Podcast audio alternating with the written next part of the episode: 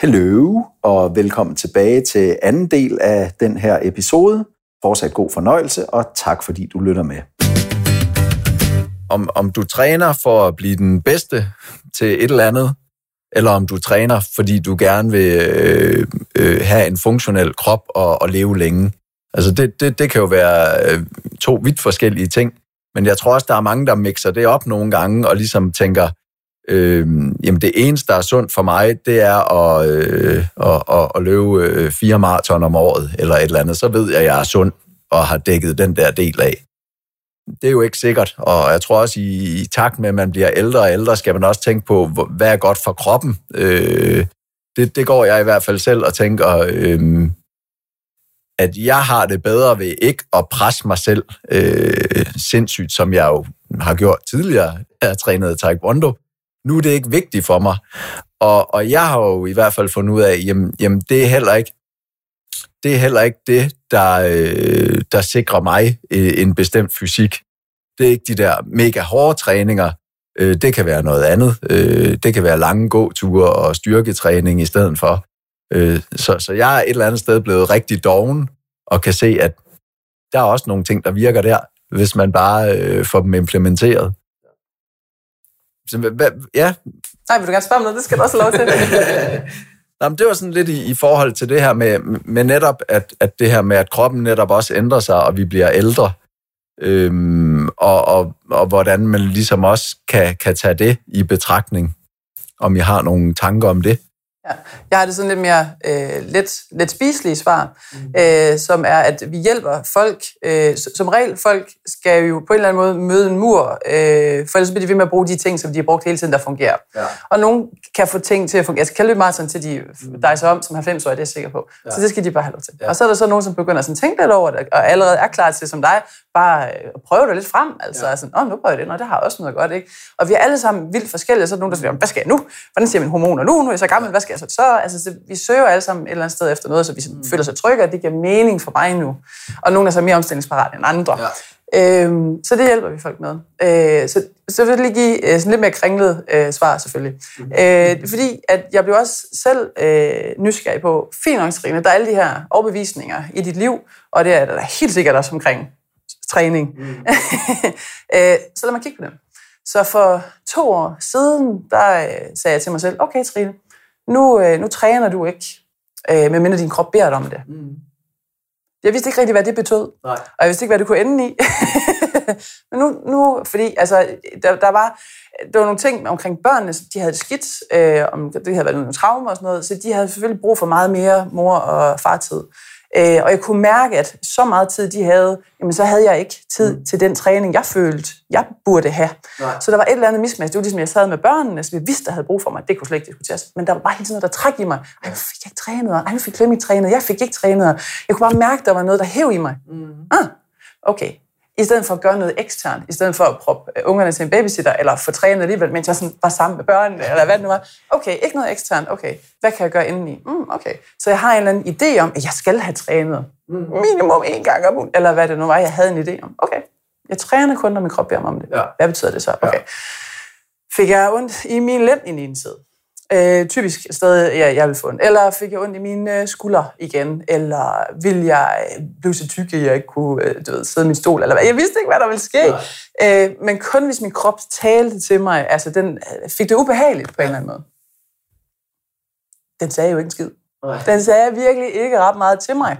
Øh, som jeg til start med, uh, så bliver jeg faktisk lidt, uh, hvad, jamen, altså, hvad vil du, hvis jeg er gammel, ja. og hvad nu, altså, hvad skal der ske, jeg kan ikke passe mit tøj, og hvad skal...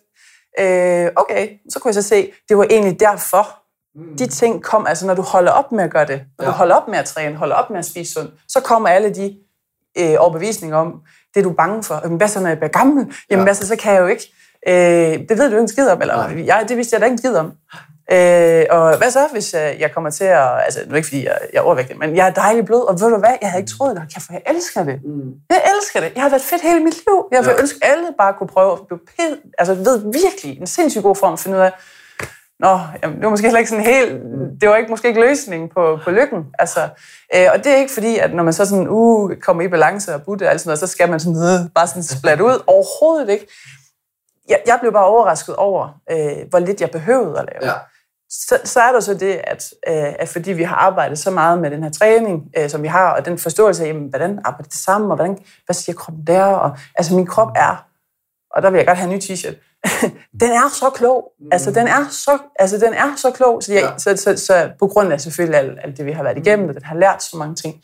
Øh, men, men, men, men det, og så, så jeg kan sidde og træne nervesystemet. Mm. Jeg behøver ikke at lave, jeg behøver ikke at lave noget for at holde... Hvis du sætter mig ind på en, på en, en, en træningsmåtte nu, mm. øh, altså ja, jeg kan ikke løbe ret langt, øh, og jeg kan ikke øh, løfte noget, der er tungt, uden at gå i stykker. Selvfølgelig ikke, fordi jeg ikke har trænet mig til det. Men der er ikke noget, jeg ikke kan. Der er ikke Nej. noget, min krop ikke kan.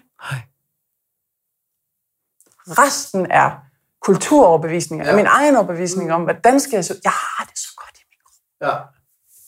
Og nu er det jo, og det er bare lige for at pointere det, det er jo ikke, fordi jeg har noget imod folk, der, der, der løber fire maraton om året, eller nej, træner nej, nej. rigtig hårdt. Nej, nej, nej. Men det er netop den her... Øhm, øh, der er nemlig en anden dimension i det, og det er jo det her, det skal også være et eller andet, man, man, man synes er sjov. Om, altså, fordi det, jeg måske i virkeligheden har noget imod, det er jo folk, der gør det, uden at vide, hvorfor de egentlig gør det. Fordi de bare er startet, og så, så er det det, man gør. Øhm, hvor, hvor jeg jo rigtig gerne vil have, at øh, jamen, jamen hvis man ligesom kan øh, øh, hjælpe folk til at se, ja, jamen det er måske ikke sikkert, og det er måske, måske skal du i dag, så skal du ikke ud og løbe en lang tur, så skal du måske slappe af, fordi det er det, du har mere brug for. Men det er jo fordi, vi, vi har de der øh, ingredienser, hvor vi ligesom siger, det her det er den, jeg tager op af værktøjskassen. Øh, jeg løber hver dag, lige meget om, om jeg synes, det er sjovt, eller kedeligt, eller hårdt, eller øh, whatever. Og det er der, man måske kan gå ind og tweak lidt og sige, jamen hvis du ikke synes, det er sjovt en dag, så prøv at lade være at gøre noget andet, eller så er det måske netop, fordi kroppen siger til dig, det, det, det skal ikke være, det er ikke i dag, jeg har brug for det her. Faktisk, hvis du løber en tur nu, så gør du mere skade end gavn. Ikke fordi man kommer til skade, men, men også, også mentalt og i, i forhold til, hvordan hele ens system fungerer. Så, så, så jeg laver jo også ting, hvor jeg, hvor, hvor jeg tænker, jamen, det er sgu ikke sikkert, det er optimalt øh, sundhedsmæssigt, men jeg synes, det er mega sjovt. Eller nu har jeg lyst til, og det er jo også det der, nu har jeg lyst til at træne hårdt, eller nu har jeg fandme lyst til at løbe en tur, og det, det har jeg en gang imellem, hvor jeg også sådan, fanden har jeg lyst til at løbe? Jeg hader at løbe. Men så er det, fordi jeg har et eller andet energi, der virkelig skal brændes af, og jeg tænker, jeg ved ikke, hvad jeg ellers skal gøre, og så løber jeg. Hvor der er, også, der, er mange, der, at der er mange, der træner på frygt. Altså mange af dem, som, som jeg synes, jeg har oplevet igennem tiden, der, der hvad det hedder, øh, der, der løber x antal gange om ugen, ikke? fordi det har de ligesom bestemt sig, de gør. Ja. Øh, de løber for ikke at øh, blive tyk ja. igen, ja. eller for ikke at blive det, eller for ikke at ende som deres mor, eller for ikke at få hjertekarsygdom, eller for ikke, så det er enormt frygtstyret ja. af, at hvis ikke jeg gør det, så bryder min verden sammen, fordi så bliver jeg med 100% sikker tyk, og jeg, ja. og, jeg, og jeg kan aldrig komme i gang igen. Nu er jeg endelig kommet, kommet i gang. Ikke? Ja. Så, så, det, så det bliver så enormt frygtstyret, og ikke lyststyret, mm. det man laver. Ja. Øh, og, og man kan sige, en stor del af vores hverdag, nu, lige nu har vi det alt det her corona, som jo også er, der, der er meget frygt omkring det på alle mulige måder, og vi ved jo egentlig ikke, hvor vi er henad, og Nej. hvad sker der rent økonomisk, og alle mulige ting. Altså, så der er enormt meget frygt i det på den måde. Ja. Øh, og og, og det styrer rigtig meget vores dag af ting, mm. vi ikke. Jeg vil ikke den vej. Jeg skal ikke ende som, og ja. nu har hele min øh, familie, de har været øh, overvægtige, og det, det bliver jeg nok også, men ja. nu løber jeg i hvert fald hver evig eneste dag, fordi det skal jeg, det, jeg skal ikke derhen. Ja. og og øh, når vi løber væk fra ting på den måde, mm. øh, så løber vi nok i reelt set tættere på det i stedet for. Ja. Øh, fordi det er hele tiden det, der er øh, top of mind, det er, jeg vil ikke derhen. Ja. Og når vi bliver lyststyret i stedet for, eller lytter internt til, hvad er det mere, jeg har brug for, mm. så er vi øh, frekvensen omkring det hele, øh, bare det vi sidder og snakker, så kan man næsten se, lige snart vi snakker frygt, ikke, så er den løftet pegefinger, og det er læner sig ind over bordet og alle mulige ja. ting og sager, og når vi snakker sådan lidt mere, øh, hvad er det egentlig, min krop har behov for, og hvad sker der egentlig? Der er ikke ret mange, der som Trine øh, egentlig har fundet ud af, hvad der sker, når man så ikke gør noget. Nej. Øh, de fleste kæmper, kæmper en hård kamp på ikke at komme derhen ja. til, hvor at noget at trøste mig, det nogensinde skal ske, fordi og dem får vi så en del af ned, der er gået i stykker, der ikke kan, eller øh, har været i ting, der gør, at de ikke kan gøre det på samme måde igen. Ja. Og det at forvente den tankegang til at være øh, lystbetonet, eller øh, og, og internt motiveret, i stedet for eksternt motiveret, og ikke øh, frygtstyret, Ja. øh, giver en enorm frihed. Og så bliver alt lige pludselig rart. En yoga-team, som man før det havde der, fordi, men det bliver lige pludselig en, en oplevelse i noget andet. Ja. Øh, styrketræning bliver rart, hvis det er det, der er brug for den, Ja. den dag. Ikke? Øh, og, og, og den læring, det at få lært folk det- det, og ikke at løbe væk fra ting, men løbe imod ting i stedet for, altså løbe, løbe hen imod et bedre, Ja. bedre fornemmelse i kroppen, i stedet for at løbe væk fra noget, man ikke vil have. Ja. Øh, det skifte øh, øh, er enormt kraftfuldt for mange mennesker. Ja. Øh, og lige så snart du slipper frygten, Ja. så slipper du en masse af de øh, øh, negative frekvenser, eller programmeringer, eller beliefs, som Trine hun også snakker om. Man har lært, at det der, det er, det er rigtigt at gøre, det der, det er forkert at gøre. Øh, og, og så bliver det jo lige pludselig en leg. Så er øh, en løbetur det fedeste i verden. Ja. Øh, altså, jeg, jeg har løbet, jeg har løbet maraton og alt det, og, og, og har prøvet det, det gav mig absolut ingenting, synes jeg. Øh, og, og så er jeg helt holdt op med at løbe. Øh, og øh, lige pludselig her den anden dag, så skulle jeg løbe en kap med min datter. Ja. Ja. Vi var ude og lave sådan noget så sexet som at plukke øh, flyvehavre hjemme med mine forældre. Ikke? Og så skulle vi løbe om kap.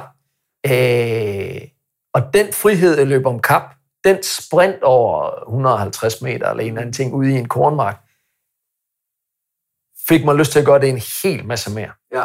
Øh, men, men det var også bare, det var naturligt, og det lige pludselig at bare give gas på den måde. Ja. Jeg løb ikke væk fra noget.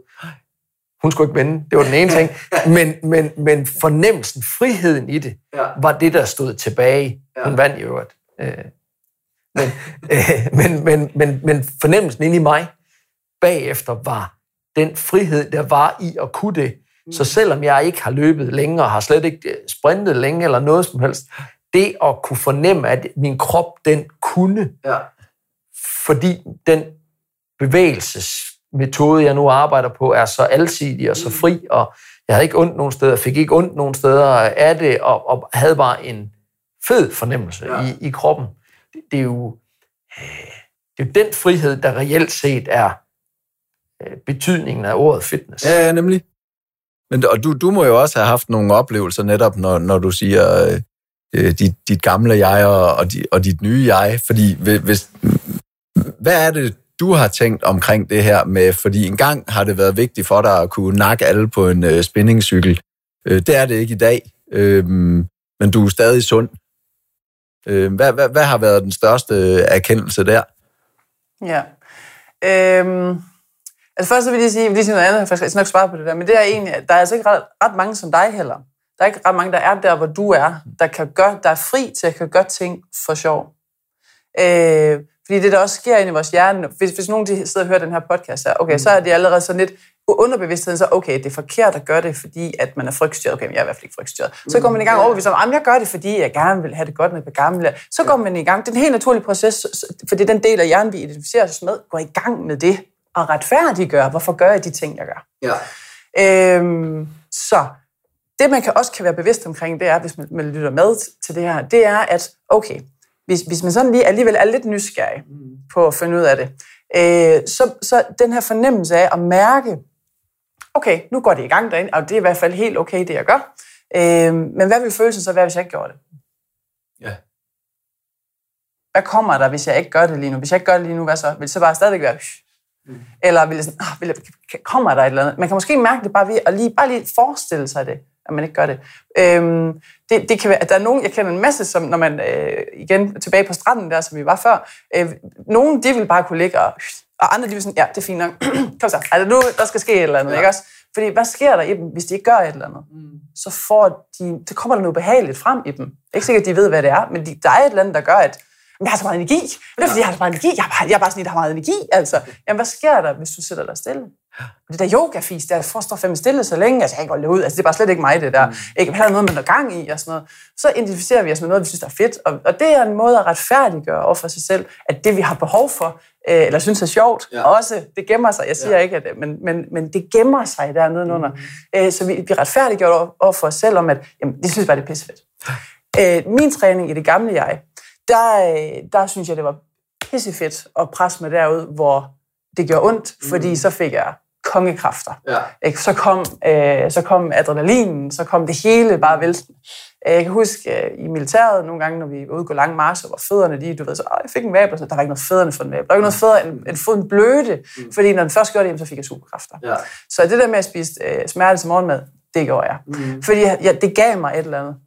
Så jeg synes bare, det, jamen, det var da, kæft hvor var det fedt at gøre noget, ikke? Mm. Fordi jeg fik, jeg fik det der drug. Ikke? Og jeg kan da lige love dig for, at jeg gjorde det, da jeg velvære. Ja. Kæft for det fedt. Elsker. Ja. Ikke? Og jeg stod op foran, jeg havde undervist 100 øh, mennesker, ikke? og de fik bare al min energi. Ikke? Og det var sådan, åh, vi skal have mere hende der. Ikke? Fordi ja. ah, det hele det kørte bare i ren hormonfest. Ikke? Ja. Øhm, så det, der så skete, da det blev taget væk fra mig, mm. jeg lagde det ikke frivilligt fra mig, men da det blev taget væk fra mig, så kom det jo så frem. Alt det, skidt, som jeg hellere vil mærke. Fysisk smerte for en at mærke. Hvis jeg sad stille og ikke kunne bevæge mig, så kom alt det traume, der sad, som du ved, vi alle sammen på en eller anden måde har samlet op. Det kan være en lille, stor ting, whatever. Ja. Vi har alle sammen noget med, vi flygter fra. Ja. Fordi at vi er, når vi er bitte små, så op, op, øh, oplever vi ting, vi ikke kan sætte ord på. Mm. Så vi er alene med rigtig mange ting for 3-7 års alderen. Det er vi bare. Øh, så vi går alle sammen med noget. Og den, og den øh, uværssky, eller som jeg plejer at kalde det til mine børn, den følger med, mm. indtil at man kigger på den. Jeg har jo så bare brugt fysisk smerte og fuldstændig fysisk udmattelse til ikke at mærke det. Mm. Det vidste jeg ikke. Jeg var fuldstændig overbevist om, at træning var bare så fedt og ja. sjovt. Ja. Så, så, så øh, det, er også, det rokker ens fundament, ikke? fordi mm. jamen, jeg har lige så godt. Hvorfor skal jeg kigge på det? Ja. Nej, nej, nej, nej. Og så vil man gerne øh, hvad skal man sige, overbevise sig selv og retfærdiggøre, at det man gør, jamen, det gør man fordi at. Ja. Så det er ikke bare sådan lige, altså det der sind der, det der, fordi vi igen identificerer os med det, men kan vi se, det sker derinde, mm. så har vi allerede mulighed for at træde lidt tilbage. Ja. Det er det store skældsættende for mig, det er det her med at så øh, tro, at jeg gør en masse sundt og rigtigt, mm. til lige pludselig småkage. Ja. Hold kæft, for det det, jeg havde i gang i. Ja. Jamen, det kunne jeg jo ikke se. Jeg var blind. Jeg var blind, indtil jeg kunne se. Det bliver min nye mantra. Jeg er blind, indtil jeg kan se. Mm. altså, det er den observatørrolle, man ligesom får på sig selv. Ja. Øh, lige netop ved enten ikke at gøre det, eller, eller bare, bare det at observere, at der faktisk, at man har en diskussion inde i sit hoved, mm. om det nu er rigtigt eller forkert, eller gør jeg nu også det, eller skal jeg nu også det, eller var ja. det bedre, at jeg gjorde det. Lige så snart man kan observere, at man har det, så er man i gang med at distancere sig en lille smule for det, og blive opmærksom på det, og så har man et valg. Ja. Øh, og, og hvis man bare lytter til stemmen hele tiden, du skal, du skal, du skal, ikke? Mm. Øh, så, så, så, har, øh, så har man ikke valget. Nu har du ikke taget observatørrollen, der er du, der er du øh, følgeren på dit, de beliefs, eller de, ja. Øh, de programmeringer, du har, de ting, du har oplevet, er rigtigt og forkert, eller virker, virker ikke ja. igennem dit liv, ja. øh, så går du med den, eller går med den fitnessstrøm. Ja. Men der er måske flere øh, bifloder, der ja, alle sammen til sidst løber ja. i, uh, i en større sø. Ikke, ja. Uh, og det er jo ikke, fordi man har gjort noget forkert, da man var yngre. Tværtimod. Ja, og ja, og jeg, jeg tror også, man kan jo se det ligesom, nu, nu kommer jeg også selv fra kampsportsverdenen, hvor man har et pensum og ligesom stiger i nogle grader. Altså, de ting, man lærer, bliver jo mere og mere avanceret. Så det er jo egentlig sådan, man kan tænke på det, når, når hvor er jeg nu? Hvad, hvad er det for en øh, type træning og sundhed eller fitness, jeg, jeg dyrker, øh, og, og, og hvad for nogle lag kan jeg bygge på, så jeg ikke hele tiden bare bliver ved med at være gulebælt eller et eller andet, men, men ligesom kommer videre. Øhm, og, og, og der tror jeg, det, det, det er jo super godt, og, at folk kan få noget inspiration til ligesom at sige, Nå, der er bare, der er hele tiden et næste step. Altså, øh, selvom man tror, at nu, nu har jeg styret det hele ind, jeg har styr på min kost, jeg har styr på min træning, nu kører det, øh, så vil kroppen på et eller andet tidspunkt sige, nej, øh, for, fordi det, nu, nu har du gjort det her så meget, at nu vender jeg mig bare til det her. Øh, så hvad for et lag kan vi så øh, bygge på nu? Ja, og det, det, altså den der nuanceret med, med flere lag på træning, at det ikke kun er et spørgsmål om, hvad mit pulsur siger, mm. eller mit Excel-ark siger, ja. eller hvor mange kilo jeg har løftet. Ja. Der, der er så mange andre aspekter i uh, mobilitet og stabilitet ja. og alle mulige forskellige ting. Ja. Altså, der, det, det er jo øh, uanede mængder af ting, vi kan lære, og det, og det får aldrig rigtig ende egentlig. Og, og, og det er det er meget flydende i forhold til, hvor vi nu må være hen. Og, og det, vi så har været igennem i vores, vores liv, det er jo med til at få os i de retninger, hvis vi begynder at lytte og ja. se, jamen, hvad er det, der sker her. Vi ikke bare blindt følger os og siger, nu gør jeg ligesom øh, så mange andre. Altså, øh, øh, jeg var i et center på et tidspunkt, hvor at, øh, øh, den helt store sætning, når, når man sådan, der skulle vi sådan øh, op, opsøgende salg, om folk skulle have et nyt program. Ja. Ej, det er fint nok, fordi min nabo har et program, og han har ondt i ryggen ligesom mig, så det bruger jeg bare, det er nok fint nok. Ja. Øh, og, og det fik man hørt et utal af gange, at, at jeg har sammen med min mor, og, det, og vi ligner sgu lidt hinanden. Det er det samme, vi træner, ikke? Ja. Øh, hvor, hvor der ikke var sådan en... Øh, altså fornemmelsen af, at kan vide egentlig, ja, hvad er der rigtigt for mig, og hvad kunne jeg egentlig, hvad, hvad er det, jeg skal have ud af det her på ja. en eller anden måde? Ja. At, at den, den var der ikke rigtig. Øh, og, og, det, og det er jo bare en, en proces, der kommer til at være resten af ens liv. Mm. Jeg der, hvis jeg kigger på bare, hvad jeg over de sidste 10 år, hvor mange processer jeg har været igennem, jeg har ikke været, øh, været skadet eller været øh, ramt ned i, at øh, øh, som Trine, hvor at, at det ligesom gav op. Øh, men jeg træner der på ingen måde det samme nu, som jeg gjorde for, for 10 år siden. Nej.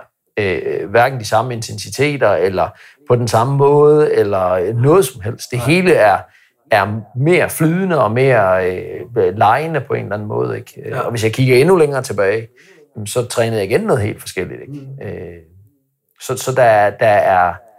Øh, der er egentlig mindre orden i det, ja. øh, men der er enormt meget struktur i det kaos på en eller anden måde. Ja. Øh, og det er noget ved at bruge det system, uh, Connect, som vi ligesom har udviklet, ved, ved at bruge det som sådan øh, grundfilosofien i det, ja. øh, så kan man tage det hen, hvor det passer til, ja, ja, ja. hvor det nu er, men uden at på noget tidspunkt begynde at presse din krop til noget, den ikke har lyst til. Ja. Og du er hele tiden i gang med at lytte.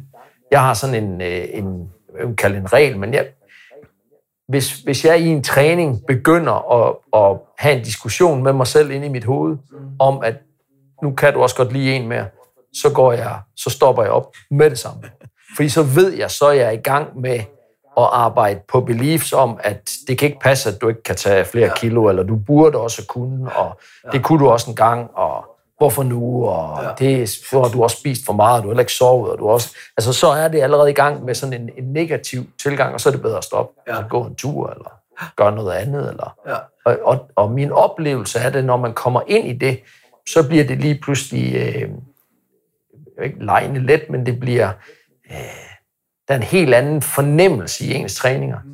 Det er, øh, Førhen, vil jeg sige, kunne jeg godt have dårlige træninger, hvor det kunne bare ikke passe. Ja. Vi var i et, øh, et amerikansk system, hvor man skulle skrive alt ned og lave træningsdagbog, og ellers vidste du ikke, hvor du var henne, og du kunne ikke følge din proces og bruge alle mulige ting og sager. Øh, kæft, hvor jeg haft mange dårlige træninger, fordi der var nogle tal, der sagde, at, øh, at det kunne ikke passe, og jeg skulle bruge timer på at rationalisere bagefter på, ja. hvorfor det nu var, om jeg nu ikke havde sovet eller ikke havde spist, og hvad kunne jeg så gøre ved det, og kigge frem og tilbage i min træningsdagbog, puh, ikke? og det var, jeg blev stresset bare at tænke på det. Ikke? Ja.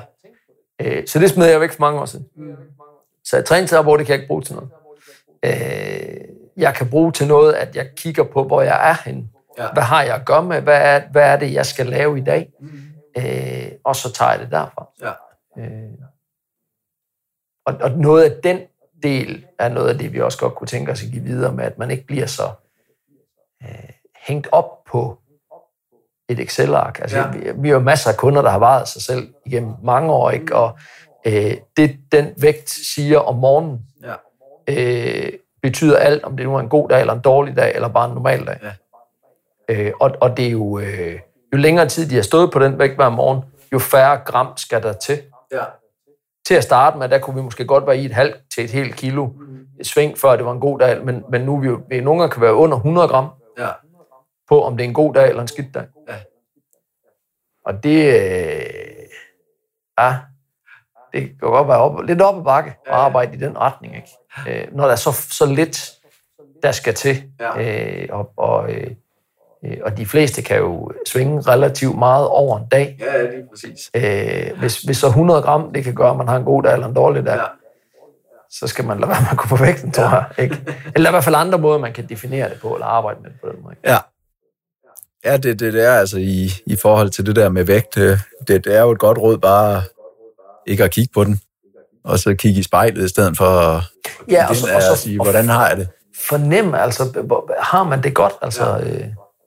øh, og de, de fleste ved jo godt, øh, øh, om både hvad man skal spise, om man nu, om man nu er øh, for tyk eller for tynd, eller hvordan er det, det, det ved man godt. Altså, det, det er jo ikke... Øh, øh, man ved, de fleste ved godt, hvis de sætter sig ned og, øh, og, og, og tager øh, en øh, Madormax hver aften, mm.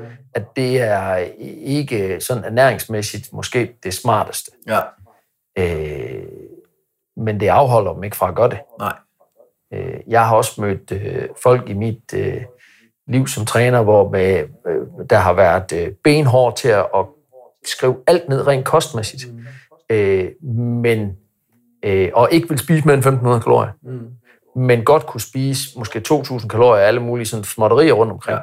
Og så kunne vi godt tage de 2.000 kalorier væk, mm. men jeg kunne ikke få dem til at sætte 500 kalorier på deres kost. At normalt, jeg har fjernet 1.500 kalorier, mm. og så sat 500 kalorier ren mad på, Ja. men så vil de blive tyk. Ja. Øh, selvom vi har fjernet de fem, vi først fjernet 2.000, så har vi lagt 500 til først. Ja. Øh, er rigtig meget, og ikke det andet. Men, men, men var så styret af, at de kalorier mad, de spiste, det gjorde, at det kunne de ikke, men, men øh, ville jo gerne tabe sig. Ja, ja. Men, men kunne ikke. Altså, Nej. øh, det, det, øh, der, der, der er, øh, det er nok lidt mere nuanceret, Ja. end det egentlig bliver gjort til. det, der, der, er, der er jo i hvert fald tit, og det, det er jo også det her med, med, med sandheder om sundheder, og, og netop, at, at der er ikke nogen konstant, øh, man ligesom kan sige, øh, det, det er sådan her, det fungerer. Øhm, øh, jeg, jeg oplevede jo selv det der med, altså fra lige pludselig at, øh, at, at tabe mig på to uger, hvor jeg bare tænkte, wow, hvad sker det her? Og så holde vægten der et år eller sådan noget, og så lige pludselig begynde at tage på igen, hvor jeg tænkte, Jamen, så skal jeg bare skrue endnu mere ned. Altså, øhm, og det eneste, der sker, det er, at man, man presser kroppen endnu mere, den holder endnu mere på alt, og øh, forbrændingen, den, den bliver strukket, strukket længere ud. Men, men det var jo også der, øh, hvor jeg, jamen, det vidste jeg jo ikke. Så, og, og det ser man jo bare rigtig mange eksempler på. Så skruer man endnu mere ned for kalorierne, og skruer træningen endnu højere op. Og det sender bare et kæmpe signal til hele kroppen om at holde på alt, hvad vi har her, fordi ellers, øh, ellers går det galt. Ja, men det, det piner sig selv, ikke? Men det, og det, det hele tiden bliver sådan en... Øh, hele industrien har egentlig sat det op til at være et spørgsmål om nedbrydning. Øh, at, at du skal, du skal, du skal kvadre dine, du skal nedbryde dine fedtceller, ikke? De skal, de skal ja. forbrændes, og du skal smadre dine muskler, så de kan bygge op. Og, ja. Så det er hele tiden sådan en nedbrud, en enorm negativ tilgang mm. til kroppen for at få et positiv outcome. Og det ved jeg ikke, om, om man i ret mange... Øh, hvis man hvis sine børn skælder dem ud hele tiden og sviner dem til, så forventer man, at man får søde øh, børn, der bare sidder og nikker og er glade og tilfredse og sådan ting. Det kommer heller ikke til at ske der. Så, så, så det her med at forvente det til noget positivt, noget opbygning, noget, noget glæde, noget, noget, noget, der føles godt i kroppen, både øh, fysisk og så, så mentalt, følelsesmæssigt, at alle de her ting, det skal kan føles rart, før vi kan begynde at snakke om noget, der nærmer sig sundhed. Ja. Øh, At, at sundhed er ikke et nedbrydningsproblem. Nej.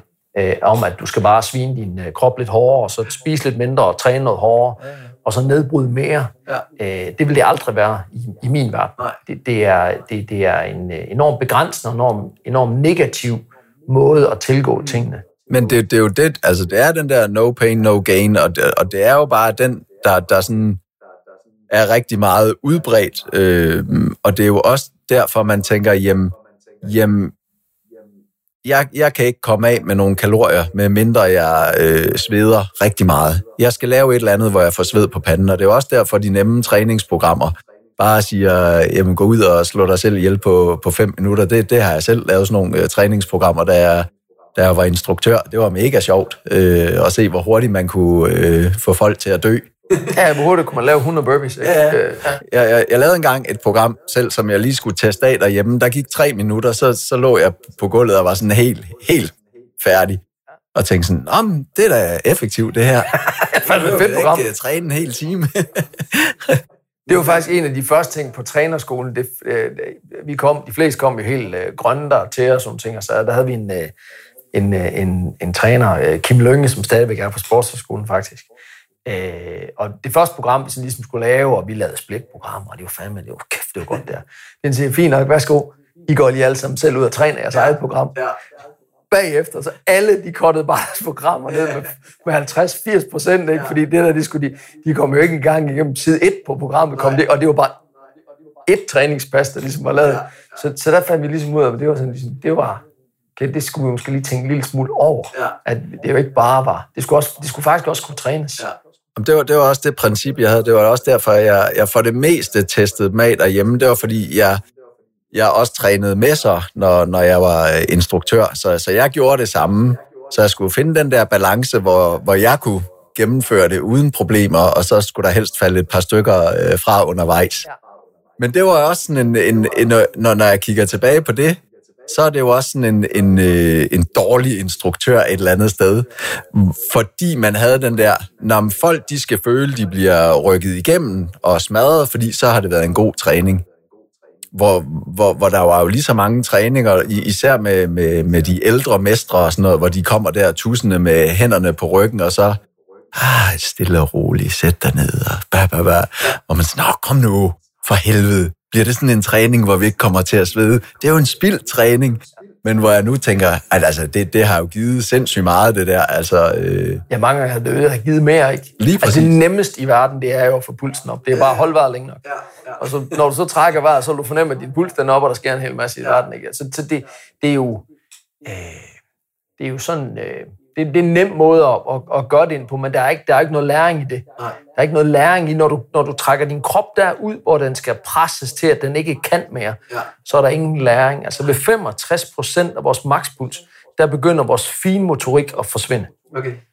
65 procent, de fleste vil sige 65 procent, der kan jo være i en formiddag. Altså det, det er ikke hårdt 65 procent.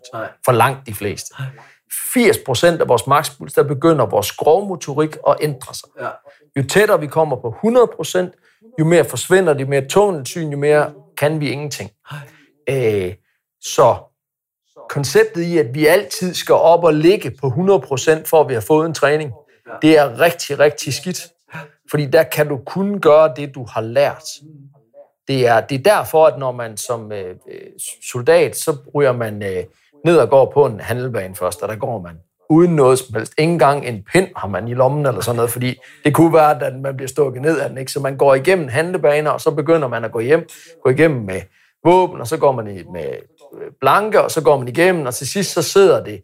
At, og når man så kommer øh, et eller andet til at blive udsendt, jamen, så kan de jo stå og, øh, og, og ringe hjem og stå og ryge en cigaret, og kuglerne flyver om ørerne, og så går de stadigvæk ind, uden at skyde hinanden alt for mange gange og sådan ja, ting. Ikke? Ja. Så det ligger ubevidst i kroppen, men hvis du altid bare presser maksimalt på, så lærer du aldrig nogensinde det, du skal bruge, når du kommer derop. Og du lærer også din krop at følge de stresshormoner, som Trine hun snakkede om, at den fornemmelse af, at nu bliver jeg udødelig, den kemi, det er den, der er rigtig mange, der søger. Ja. Man bliver egentlig afhængig af sine egne stresshormoner. Ja. Man bliver afhængig af sin egen dopamin respons og, serotonin og alle de her ting, og så er kortisol, der bare, wow, adrenalin, wow, det kan jeg det her, ikke? Man bliver så afhængig af den, at, at man, man skal have den. Men så lærer du aldrig nogensinde noget, og du lærer egentlig kun din krop at stresse. Ja. Så, så den stressbelastning, og kroppen kan ikke kende forskel på, om du er i et trafikuheld øh, øh, til en time, hvor du bare er på fuld skrald, øh, banken der ringer, øh, øh, dødsfald i familien det er den samme kemi, der sker, det er den samme respons, der sker uanset. Ja. Og vi som mennesker er så rigtig heldige, vi kan tænke os til det, så det behøver ikke engang at ske. Bare det, man kan mærke, at telefonen øh, rumler i lommen, og man tænker, kan vide, om det er banken? Mm. Bum, så er stresshormonerne allerede i gang, og man kan måske mærke øh, knuden i maven, eller skulderen, der begynder at værke lidt, eller gøre det ene eller det andet. Ikke? Ja. Så vi kan tænke os til den. Men vi kan også bruge træning til at regulere responsen på det, som vi snakker om på et ja. tidspunkt, at at det ikke er stress, vi dør af, det er, eller det er ikke stress, der er en belastning, det er vores respons til stressen, der bliver en belastning. Og den kan vi lære at regulere. Men det kan ikke gøre, hvis vi bare lader den følge og bare gå på den der fuld skrald, og så søger det adrenalin. Så vi er nødt til at bibeholde den kontrol ind omkring det. Øh, og der bruger vi vejrtrækning i at styre den. Så kan man så lege med det. For eksempel, hvis vi også nævnte på et tidspunkt, træne vand i munden. Hvis du går i en højintensitetstræning, men skal kan styre din vejrtrækning ved kun at trække vejret igennem næsen, uden at blive kvalt af det vand, eller uden at spytte det ud, øh, så har du lige pludselig en kontrol, der gør, at du ikke behøver at presse dig op til 100%, men du kan, når det er. Din teknik bliver skarpere. Vi har lavet det på øh, øh, flere, øh, vi har testet det masser af gange på kurser og sådan ting, vi laver, hvor vi øh, laver programmer, hvor vi siger, nu skal I, øh, først har vi kørt øvelserne igennem, så de ved, hvad de skal. Så får de lov til at køre i øh, 20 minutter. De ja. første 10-12 minutter, der får de lov til at køre normalt med vejrtrækning, som de har nu lyst til. Og når de egentlig er træt og ved at være presset, så får de vand i munden, og så skal de træne de sidste 10 minutter med vand i munden. Okay. Og det vi oplever, det vi kan se, det er, at det er ligesom om tiden kommer til at stå stille. Alle øvelserne bliver mere effektive. Øh, vejrtrækningen bliver langsommere, det er tvunget. Pulsen bliver lavere. Øh, og hvis, afhængig af, hvad vi kører med af tidsstyringssystemer og sådan ting, altså, så fordi de bliver mere effektive, så laver de faktisk mere. De bliver hurtigere, men ser ud som om, de laver markant mindre. Ja. I stedet for egentlig at presse sig selv ud til sidst, hvor det bare bliver hårdere og hårdere, men kvaliteten bare bliver ringere og ringere, så sker der det modsatte. De bliver fokuseret, de bliver tvunget indad, for du kan ikke igen være, nu skal jeg presse det hele, hvis du har vand i munden og kun skal trække vejret igennem næsen, så du er tvunget ned i gear. Ja. Øh, man bruger en masse øh, reflekser i kroppen, når man nu gør det, som tvinger en lidt til det også, men, men, men du overbelaster egentlig lidt kroppen ved at være så fokuseret på det, mand, til det vand i munden, ja. til at du bliver tvunget internt fokuseret. Ja. Ændre hjernebølger, det bliver nærmest meditativt, når man begynder at arbejde med det.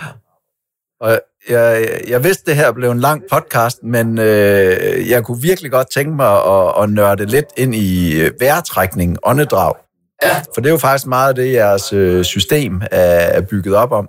Ja, meget. Kan I prøve at fortælle lidt om, øh, hvad der er specielt ved vejrtrækning. Er det ikke bare at få noget luft ind og ud?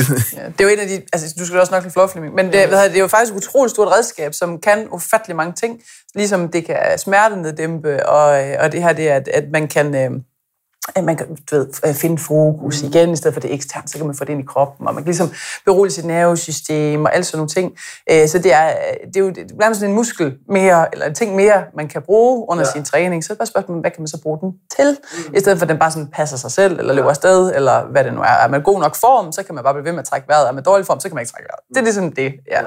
ja. Øhm, så vi, vi, vi gør blandt andet øh, nogle helt konkrete ting. Vi vender vejrtrækning om typisk så vil vi gerne puste ud, eller vi vil faktisk gerne, undskyld, vi vil gerne trække luft ind, du ved. Okay, nu, skal du, øh, nu har du alle de her lys, du er lige blevet 50 øh, år gammel, du skal puste alle de her lys ud. Så det første, du gør, det er, du fylder lukkerne, og så puster du. Altså, det er også typisk sådan, vi gøre, hvis, hvis øh, vi skal have en ny person ned, og så skal vi begynde, åh, prøv at trække vejret der, sådan, sådan. Okay, så, hvornår skal jeg puste ud? Fordi så har de allerede trykket luft ind. Ja. Når vi gør det, så får vi trukket en masse luft ind, fylder lungerne med luft, og så får du måske pustet uh, lidt af det ud igen. Mm. Og så uh, luft ind igen, og så ret hurtigt, så sker der det, at så bliver man øh, svimmel. Ja. Ikke også? Fordi for mere med ild ind, man får ikke noget affaldsstoffer ud.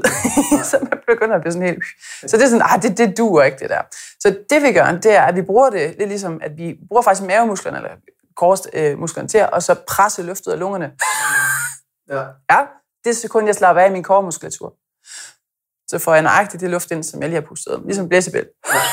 Slap af, Ja, det bliver vi aldrig stak under af, for det er lige præcis det, jeg har pustet ud, det er lige præcis den mængde, jeg får ind igen. Så der bliver ikke noget stak under. Det, der også sker ved det, det er, at fordi jeg skal presse luften ud, det sker det, det lyder faktisk ikke særlig sundt. Helt smule astma. Jeg ryger ikke. Øhm, men det, der sker ved det, det er, at hele kormuskulaturen, ligesom når du hoster eller griner rigtig meget, åh, jeg får ind i maven, så hele kormuskulaturen, den spænder op. Ja. Så du får utrolig mange kræfter af det. Mm. Så jo mere modstand, ligesom hvis du hørte en boksekamp, Mm. Yes. Så både hvis du skal generere øh, hvad skal man sige, energi ud, så kan du bruge udånding, du bliver stærkere ved det, fordi din arm kommer lige pludselig til at hænge, hænge sammen med, med benene hernede, og der, pff, det hele hænger sammen. Øh, og det samme også, hvis du skal absorbere et, øh, absorbere et slag, eller, eller det der. ja. yes. Så det hele spænder op. Det kan også være længere udåndinger, så begynder vi lige pludselig at trække pulsen ned, imens vi laver noget ja. helt, helt og aldeles bevidst og aktivt. Mm. Så i stedet for for eksempel, øh, du kører op ad bakken, du skal lige overhælde alle på bakken, du kommer først op på bakken, du giver alt, hvad du har for at lave verdensrekord, for at komme op på den bakke der. Mm. Så sker der det, så giver du slip, mm. og så kommer pulsen helt vildt op der. Mm. Og så kommer alle de andre, som har lært vejrtrækningsteknikkerne ned, og så kommer de bare overhaler dig. Ja. Så den er lidt den der øh, interval, giv alt, hvad du har, og så giv slip. Mm. Den vender vi også på hovedet. Så lidt ligesom det med vand i munden. Ja. Hvis det er, at du kan styre igen, at det er din udånding. Din udånding kan være længere. Hvis du laver øhm, en lille mund, kommer godt som person kender hos mig her, det kan man selvfølgelig ikke se på podcast. Men det betyder, at jeg kan faktisk bruge lang tid, mange, eller ikke mange kræfter, men jeg kan faktisk bruge lang tid på at puste ud. Kort ind gennem næsen. Mm. Øhm, det gør, at jeg faktisk trækker min puls ud, ned, undskyld, imens jeg laver noget, mens jeg cykler op ad bakken. Ja. Ja, jeg kan stadigvæk lave en masse, som Flemming lige fortalte med det andet eksempel, at man kan rent faktisk godt øh, nærmest lave mere, mm. øh, og, og, og både komme hurtigere frem, men at bruge færre kræfter, øh, hvis man sætter øh, fokus ind, og specielt på vejrtrækning. Mm. Så de her lange udåndinger, jamen, når du så kommer op, du kan endda komme først op, men du kan stadigvæk begynde at køre videre. Mm. Fordi du restituerer, mens du laver, jeg ved ikke om det er et dumt eksempel, men du kan altså restituere, mens du laver noget. Ja. Så, så det er sådan to ting, det der med at forvente vejrtrækning om, og så ja. det der med at kunne restituere, mens du laver noget. Mm. Øh, hvis man sådan begynder sådan at kigge sådan lidt mere teknisk på det, mm. øh, samtidig med, så noget af det, der sker, det er egentlig, at vi sætter frekvensen på vejrtrækningen ned. Ja. Fra at man egentlig bare giver slip. Vi bliver kontrolleret omkring. Og der sker så nogle tekniske ting i det, at hver gang vi puster ud, så falder vores puls. Hver gang vi trækker vejret ind, så stiger vores puls. Når vi gerne vil kontrollere, at vores puls ikke bare siger derudad, så det at have fokus på vores udåndinger, og lade vores indåndinger ske automatisk ved at bruge diafragma til at, og, og vores kormuskulatur, men mest af alt diafragma til at trække vejret på, det gør, at øh, et, jeg får trukket luften dybere ned i mine lunger, hvor der er flere af de her omstillingsfabrikker, så jeg kan få mere ilt ind i blodet og mere affaldsstof ud. Men ved at sætte frekvensen ned, så øger jeg min CO2-tolerance. Øh, og CO2 er det i kroppen, der gør, at man trækker vejret. Og ved at jeg øger min CO2-tolerance, så øh, får jeg mere ilt ind i mine celler. Ja. Og det er kun det ilt ind i mine celler, jeg kan bruge til noget. Mm. Det ilt, jeg trækker ind, det er nytteløst, hvis ikke det kommer ud i mine celler. Øh, og når vi giver slip i vores vejrtrækning, og bare sådan... Ja. Et, jeg får ikke min ilt ret langt ned, hvor det kan omstilles en masse, men jeg har sådan en høj frekvens på min vejrtrækning. Ja. Og det vil gøre, at min CO2-tolerance er lav. Ja. Når jeg så begynder at være så har jeg allerede sat min frekvens markant ned i min vejrtrækning. Så stiger min CO2-tolerance. Ja. Så der kan kun komme så meget ild ind i cellen, som jeg kan få CO2 med ud. Mm. Og jo større koncentration jeg kan styre, jo mere ild kan jeg få ind i cellen ad gang. Ja. Så behøver jeg ikke at trække vejret nær så hurtigt. Så jeg kan holde en lavere frekvens, så holder jeg min puls lavere, men jeg får mere ild ind i mine muskler. Det er der, vi gerne vil have det ind i cellerne. Ja. Så kan jeg lave mere arbejde for en lavere puls. Mm. Så jeg behøver igen ikke at tvinge min krop ud i, at nu skal den op, og jeg skal sætte mig min VO2 max. Ja. Den skal presses i fuldstændig eller sindssyge belastninger ja. for at få en højere VO2 max. Jeg bliver mere smart til at udnytte min ilt ved egentlig at øge min CO2-tolerance i kroppen. Ja. Når vi så arbejder med bevægelse, som vi gør, ved at bruge vejrtrækningen, så behøver jeg ikke at sige, husk nu at spænde mavemusklerne. For hvis jeg siger, så er jeg øh, spændt automatisk ved at bruge min vejrtrækning. Ja. Så jeg tager en ting, jeg skal tænke på ud. Mm. Der kan være nogen, der lige skal have at vide, husk nu at spænde op i mavemusklerne, husk nu at holde et, en bestemt spænding, eller en bestemt kip i et bækken, eller en eller anden ting, for at være sikker på, at det er alle musklerne, der er med hele tiden. Ja. Øh, også fordi det er mange ting at tage med. Øh, og nogen, øh, når der er mange ting, man skal, så øh, går man i en øh, sådan en fear response i kroppen. Og ens fear response, det er, jeg kan godt arbejde uden at trække vejret, det er slet ikke noget problem, og der kan faktisk være rimelig længe, fordi det er ikke noget problem på et eller andet tidspunkt, og så kan man arbejde igen. Ikke? Øh, men så er vi igen ikke i kontrol. Så det vi så vil gøre der, det er at lave rekreation på øvelsen, så vi kan finde et niveau, hvor vi kan begynde at få en lidt mere flydende vejrtrækning, som er kontrolleret, så vi kan lave mere ja. effektivt, uden at blive så forpustet. Mm. Og det er så ikke bare lidt mere, at det er meget mere. Ja, det er markant mere. Okay. Det er markant mere. Vi har lavet, vi har, vi har lavet nogle, nogle tests på det en gang imellem, hvor at, øh, øh, nu snakker jeg om det her før, vi, havde, vi har en anden instruktør, som tilfældigvis også hedder Flemming, mm. øh, og vi har øh, sat det op, og så lavet en bestemt øvelse, hvor jeg skal lave øvelsen med fuld fokus på vejrtrækning, og han skal med vilje lave øvelsen, uden at tænke på vejrtrækning. Ja. Øh, og i de første to runder, vi lavede sådan 2010, en traditionel Tabata, Ja. otte runder med den samme øvelse. I de første to runder, der, begynd, der følger han mig. Øh, derfra, og jeg vil sige, at han er i tradition, eller egentlig konditionelt bedre form, end jeg er. Øh, cykler en masse øh, spinner og alle mulige ting, og så det har jeg heller ikke gjort i mange år. Øh, øh, ligesom jeg kan løbe og sådan ting, og så Men det at styre den vejrtrækning, så den øh, udnyttelse af ilten bliver bedre, og kontrollen, det at man ikke går ind og giver slip, gør, at jeg kunne holde mit tempo igennem de otte runder, og da han kom til runde nummer 4, der var han ved at være færdig. Der var han ved at være udsolgt og skulle kæmpe, og du, så bliver bevægelserne langsommere, de bliver mere ueffektive, de bliver tungere, spændingerne begynder at give slip, man begynder at kæmpe for at lave noget i stedet for. Ja. Øh, og, og, og øh, det slider bare mere på kroppen. Det, det siger næsten sig selv, at når du laver det, at du skal begynde at kæmpe i ting, Ja. så begynder du at slide. Og det eneste, du gør, det er at lave den kontrol omkring vejrtrækning. Øh, og, og det er, øh, begynder man at få det ind, så har du lige pludselig et helt andet Ja. øh, redskab. Og så kan vi begynde at arbejde med det, som Tri- Trine siger, også med længderne af vejrtrækning i vores ting. Der kan godt være øvelser, hvor jeg siger, nu begynder det at knive, så kan jeg ændre frekvensen på min vejrtrækning igen, lave mine udåndinger længere. Ja. Det er en længere udånding par, eller påvirker mit parasympatiske nervesystem, som er mit rest og digest. Ja. Det sænker pulsen. Øh, og det, ved at så holde min indånding kortere og mere præcis, og lade diafragma arbejde, så får jeg ikke min puls til at stige.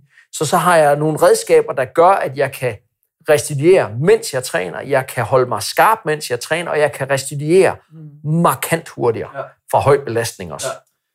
Øh, og det kan man bruge. Ja. Så kort ind gennem næsen, og så langsomt ud. Ja, lige omvendt. Langsomt ud og kort ind gennem næsen.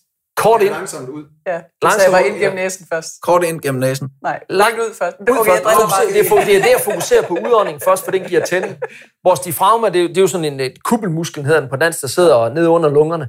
Og når jeg puster ud, øh, så arbejder den så op som sådan en kuppel. Når så jeg giver slip i den, Ja. så flyver den ned, og den danner et vakuum, der trækker luft ind. Øh, og ved at være...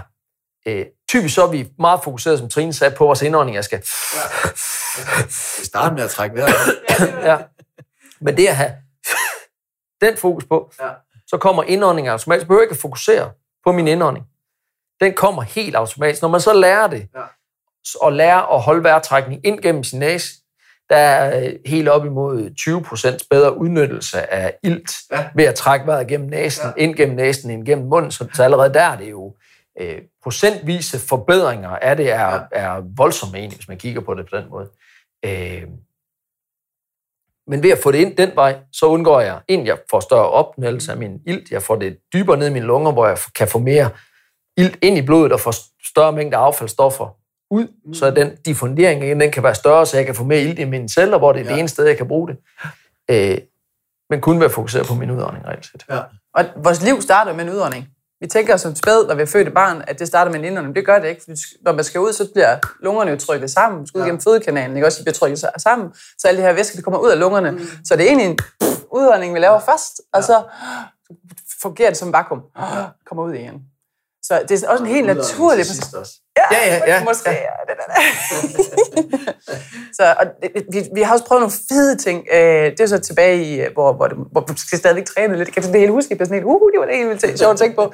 Øhm, men men øh, hvor, øh, nogle af de kurser, vi var på for, for, os, for at lære de her ting her, øh, hvor vi var også var oppe i, du kender en Tabata, hvor vi kører øh, hvad hedder, 20 sekunders arbejde, 10 sekunders pause for eksempel.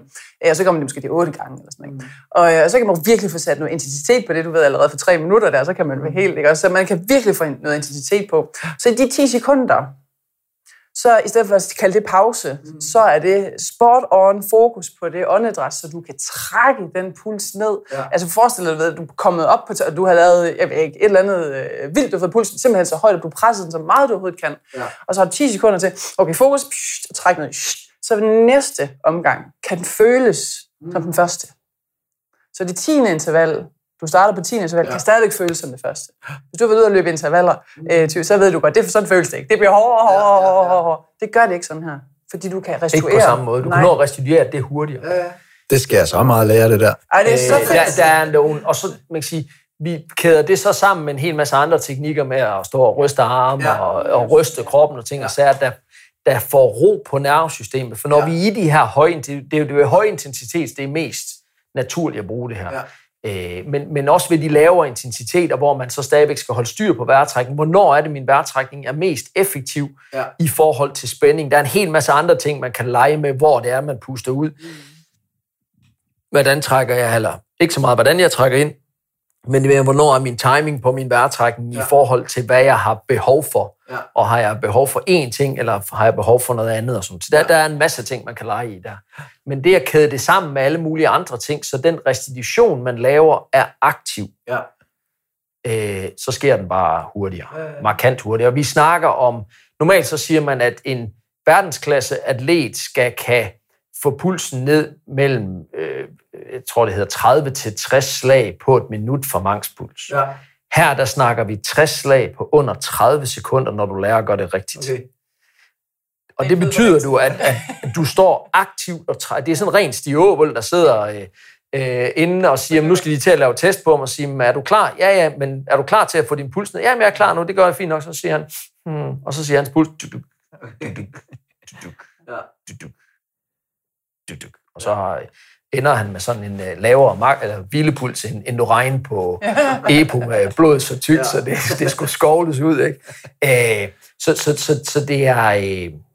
Uh, det at kæde det sammen, det er jo egentlig noget, vi stort set kun kender enten fra ren meditation eller yoga, hvor der er meget fokus på vejrtrækning. Ja. Uh, men det, uh, yoga-vejrtrækning kan du ikke rigtig bruge. Mm. Øh, Pilates laver også, arbejder også med vejrtrækning, men på en lidt anderledes måde. Pas på, hvad du siger. Nej, men, men det er svært at bruge. Det er en, på, hvad for et fokus man har på det, ikke? Ja, ja. fokus på det, men det, det kan være svært at bruge en den her ah, yoga-vejrtrækning i styrketræning, for eksempel. Ja. Fordi der får jeg ikke noget spænding med. Øh, så det at kan kombinere, det at kan bruge vores vejrtrækning som en muskel, som et redskab, ja. og kan finde den rigtige vejrtrækning til det, øh, på det rigtige tidspunkt, gør noget helt magisk for kroppen. Ja. Og det gør, at vi ikke bliver så stresset og presset af vores træning. Vi kan holde en høj intensitet. Mm. Vi, kan, vi kan restituere rigtig, rigtig hurtigt. Vi kan lige pludselig øh, snakke og gøre alle mulige ting og sager, selvom vi egentlig har lavet noget, der er høj intensitet. Mm. Og vi kan se på folk, når de nu kommer ind, der ikke har lært det endnu, øh, at, og, og kommer med en anden tilgang til det, at de jo øh, egentlig, deres vejrtrækning bliver hurtigere, inden de er presset. Ja. Så allerede inden, allerede inden der er gået to minutter i en i en øvelse, som ikke er pulskrævende, mm. så er det allerede i gang. Ja. Og kroppen kan ikke kende forskel på, om du er stresset, Nej. eller din vejrtrækning, den bare er... Ja. Så tror kroppen, den er stresset. Ja, ja. Øh, og hvis du render rundt og trækker vejret cirka 20.000 gange om døgn, i døgnet, og du er... Det er altså meget stresshormon, du putter ja, ud i din ja, krop, hvor at, at og, og hvis du giver slip til din træning, så er der en rigtig stor sandsynlighed for, at du ikke har nogen anelse om, hvad din vejrtrækning laver i din dagligdag. Ja. Øh, og den har en kæmpe indflydelse ja. på det. Men ved at bruge det på den her måde, så lærer du at bruge det sådan hele tiden. Mm.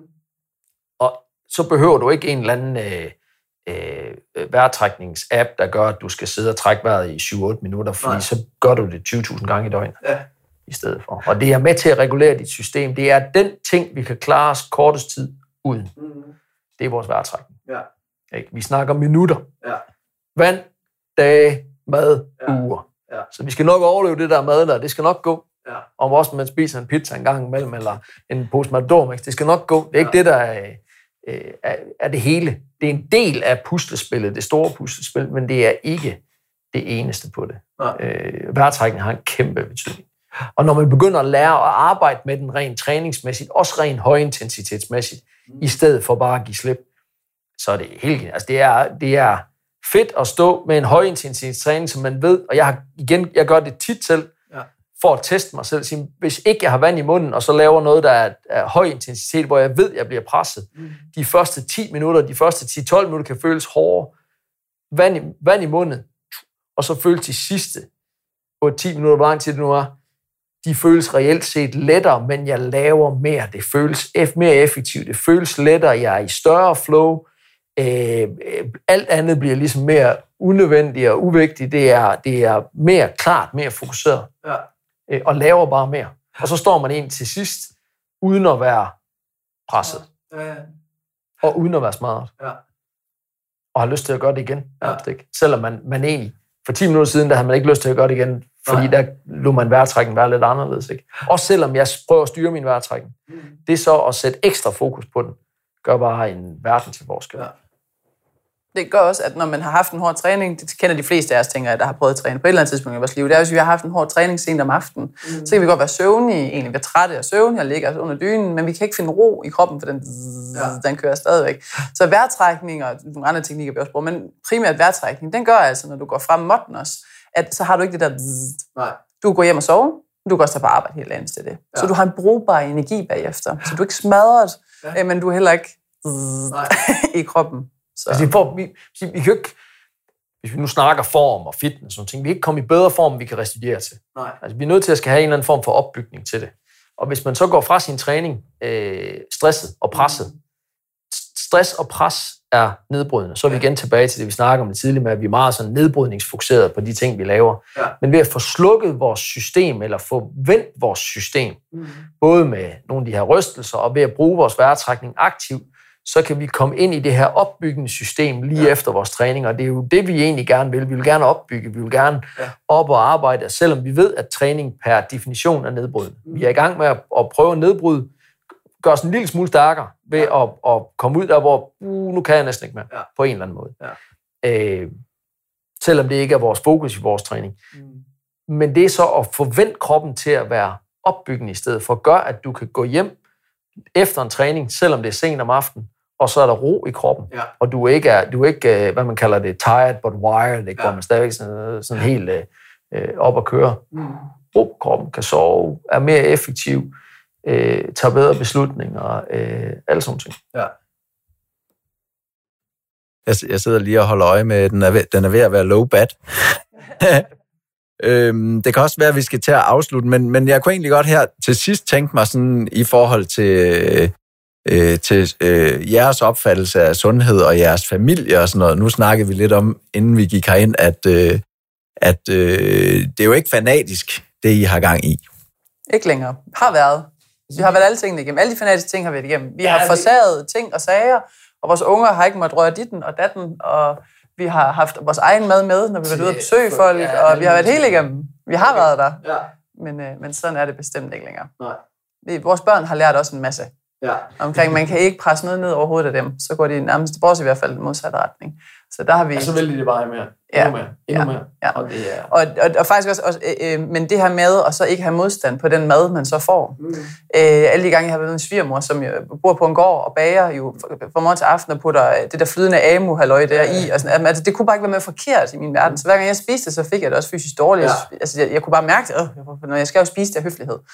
Mm. Øh, men det er også at få lagt det på hylden. Altså slut fred med, at mad er mad. Ja, og ja. nyd for søren den mad. Jeg sidder ikke og velsigner det, som man måske gør i nogle religioner, men alligevel, jeg værdsætter det. Ja. Hvad end det er for noget mad, der står foran mig, jeg værdsætter det. Mm.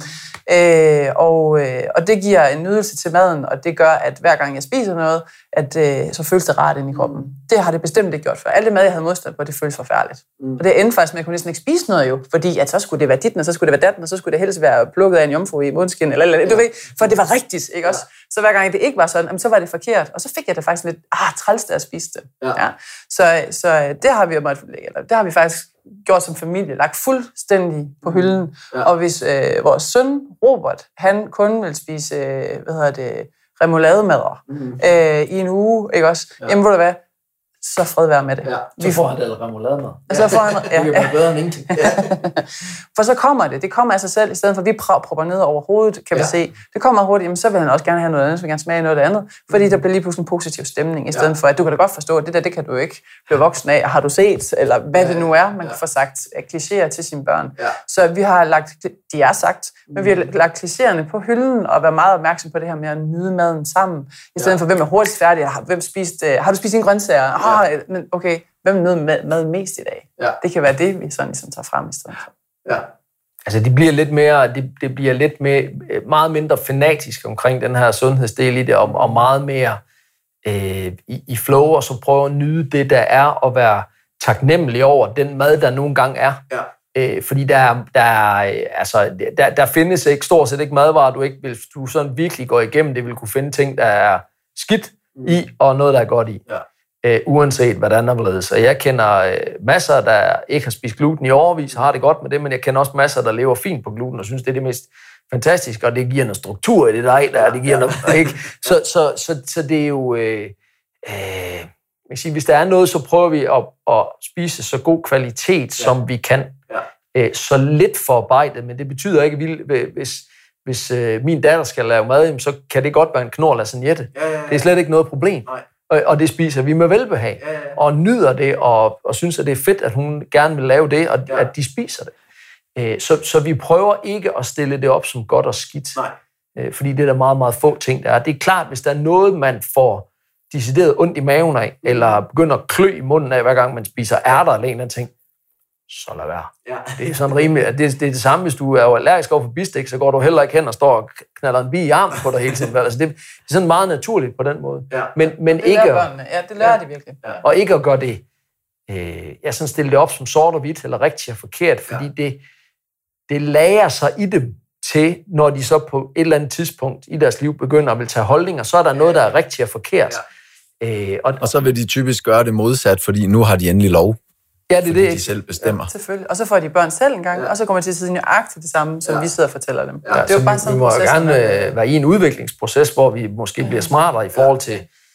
Øh, og, og det er det. Altså, jeg tænker, det som mine bedsteforældre fortalte mine forældre, det er jo ikke det samme, som de har fortalt mig, og jeg har så taget noget andet med igen. Ikke? Så der er jo en kontinuerlig udvikling et i, øh, øh, og, og øh, øh, ja, det, det, det, vi skal måske sådan det kunne være godt at, at måske gøre det lidt mindre højtidligt med det her ja. øh, mad, og gøre det sådan øh, lidt mere, som du startede med at sige, at mad er mad. Altså, ja. ikke? Og jeg, og jeg tror, det der med, med, med alt med måde, og så, så tror jeg en anden ting, det er jo også øh, det der at, at benytte sig af nogle principper i stedet for nogle, nogle love. Øh, for, fordi igen, hvis du ligesom siger, øh, det, det er kun rigtigt at spise sådan her, øhm, så har du ligesom allerede defineret nogle rammer, som et eller andet sted også kan bide dig i røven senere, fordi igen, kroppen vender sig til, øh, når nu, nu, det, nu det, er det kun det, han spiser. Okay. så kommer der jo nogle øh, mangler. Jeg, jeg, er jo, jeg er jo stor, altså, folk, folk der bliver øh, veganer og oplever kæmpe øh, resultater med det, det er super fint, men lad nu være med at gøre det til en religion, øh, fordi lige pludselig kan det være, at du faktisk øh, mangler et eller andet, eller omvendt folk, der kun vil spise kød. Øh, fint nok i en periode. Det er alle de her øh, diæter, der er derude, de er jo skabt, fordi at når vi ændrer noget i vores kost, så sker der også en ændring med os. Og tit så det, der sker, det er jo fordi, at, at vi kommer øh, af med nogle af de ting, som måske ikke har været godt for os i vores kost. Men vi fokuserer mere på, når det var fordi, jeg spiste det her. Øhm, så jeg tror meget på det der med hele tiden at veksle, øhm, og så selvfølgelig gå efter så gode øhm, produkter, man kan, så, så rene produkter. Du havde skrevet noget om, du, du, du ville selv være selvforsynende og sådan noget. Jamen det, det er jo hvad det er, nu vi bor jo på land, jeg kunne godt tænke mig at have, have vil sige, at det kød, jeg nu spiser, ja. at jeg vidste, hvor en stor del af det, det kom fra, ja. øh, i forhold til, fordi der sker, der er jo selvfølgelig en masse ting med, med, med den næring, som vores dyr de nu spiser, og hvad der så er i det kød og sådan ting. Så der er en masse ting der, og, og, og, og, og den tankegang kan jeg godt lide. Ja. Jeg gider ikke lave mine egne grøntsager, fordi det er alt for meget arbejde i, synes ja. jeg. Men det andet, det kan jeg godt lide, og jeg ved godt, der er også masser af arbejde i det. Men, men, øh, men, men det, den del kan jeg godt, altså den, den connection, der er i det på en eller anden måde, øh, også i den retning, at, at vi ikke distancerer os fra mad. Ja men, men, men ligesom prøver at, at, øh, at få et lidt mere afbalanceret forhold til det på en eller anden måde. Og, og jeg er enig i, at altså, fanatisme på nogen måde rent madmæssigt er ikke godt, synes ja. jeg. Fordi så er man igen ikke inde og lytte. Man bliver ligesom fanget i det dogme af, at det her det er rigtigt. Ja. Nu er man veganer, eller nu er man øh, ja. paleo, eller nu er man øh, keto, eller hvad man nu er, og så er det kun det, man kan. Ja. Øh, og, og det kan nogle gange være en sund måde for at komme af med nogle ubalancer, man kan have fået i kroppen, eller for at gøre nogle bestemte ting ja. for kroppen. Øh, Men lige så snart man bliver ophængt i det dogme med, at det er det eneste rigtige, Ja. så er man allerede i gang med ikke at lytte til kroppen. Ja. Og jeg har mødt masser af veganere og øh, øh, vegetarer, ting og sager, som, øh, som øh, frøs hele tiden, og aldrig havde energi, og ikke kunne holde til noget, og var askegrå i huden, Ja. og alle mulige ting og sager, som, som øh, i hvert fald ikke på nogen måde emmede af sundhed, som Ja. rent øh, øh, kropsmæssigt, og også øh, døjet med alle mulige ting og sager. Øh, og, og så er man væk fra at, at, at mærke efter Ja. i forhold til Ja. sundheden. Jeg tror faktisk, at det optimale vil være det, der hedder øh, in- intuitiv spisning, hvor man faktisk er så meget i synk med sin krop, så, så man ved, hvad man har lyst til at spise, og hvad der virker for en. Fordi det, det, det er bare rigtig svært at, at, at, at låse sig på et eller andet. Altså lige nu, så, så er keto jo det helt store. Øhm, men det kan også have nogle negative konsekvenser, hvis man gør det for længe. Og jeg tror bare et eller andet sted, det der med at gøre ting for længe, det er ikke altid skide godt. Øh, men mix det lidt op, og så øh, forsøg noget og, og prøve nogle forskellige ting. Det, det tror jeg meget mere på. Og så, øh, så give sig selv lov til at øh, æde en pizza. Eller, altså, det er jo det der med, hvis vi gør det hele tiden, så er det nok ikke godt. Men hvis vi besøger det en gang imellem, så nyd det dog. Og, og, ja, så, så med, altså, jeg ved da, de gange, jeg øh, få gange, øh, jeg får et eller andet, altså, nu laver vi selv pizza derhjemme, så, så, så dem vil jeg slet ikke sætte i kategori med købepizza. Øhm, men jeg ved, typisk øh, øh, dagen efter nytårsaften, der bestiller vi al, altid et eller andet helt junk. Øh, og det nyder jeg da helt vildt. Ja. Jamen lige præcis, ikke? Og, det, og det er, altså, en af de, sådan, da jeg startede på trænerskolen, en af de øh, folk, jeg sådan kom til først, som sådan var, ikke var fra skolen, det var en amerikaner, der hedder Paul Check, mm, som ja. sådan er meget holistisk omkring ja. hans. Og dengang, der var han øh, øh, 100% på kosten. I skulle simpelthen bare, hvis man, øh, hvis man ikke levede 100% af sin øh, metabolic typing diet, som han nu arbejdede med, ikke?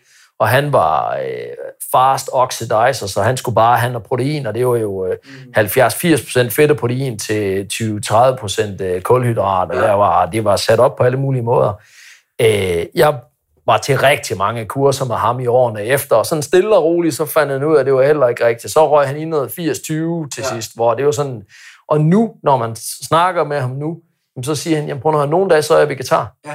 Jeg kan måske være vegetar to-tre dage i streg. Men så har jeg lige, øh, så har jeg lige lyst til at, at køre tung dødløft i øh, dage. Så skal jeg have noget protein. Ja. Så så kan jeg nærmest være, øh, spise ren kød i to-tre dage. Ja. Øh, og andre dage, så spiser jeg ikke ret meget. Nogle dage, så spiser jeg helt vildt meget, men prøver ikke at være så fokuseret på, om det nu er det ene eller det andet, men den øh, jeg er intuitiv og mærke efter, hvad det er, der sker i kroppen. Ja. Og det kræver for nogen, eller kræver for rigtig mange, at man først er i en retning, og så er man i en helt anden ja. retning, og så finder man ud af, uh, det der, ikke? Ja. Øh, hvis jeg er i den ende af skibet, eller ved den side af skibet, så vipper det sgu til ja. den side, ikke? og så på et eller andet tidspunkt, så løber man over i den anden side, så går man den anden vej. Men, men, men der er måske noget derinde, hvor der, der er lidt rigtigt i det hele. Ja, ja. Og jeg, jeg, jeg tror lige præcis, det, det der, der er det rigtige, det er, at vi går med den der forestilling om, at vi finder den rigtige. Øh, og, og, og den er der ikke, øh, fordi der kan være mange rigtige. Vi skal bare øh, skifte lidt imellem dem. Ja. Jeg, jeg, jeg tager det jo altid som, som et godt tegn, når folk de spørger, hvad, hvad, hvad, hvad fanden er det for en kur, du er på? Øh, og så, jeg er ikke på nogen kur. Øh, jo, men du, er det, det er sådan noget med, at du ikke spiser det ene eller det andet.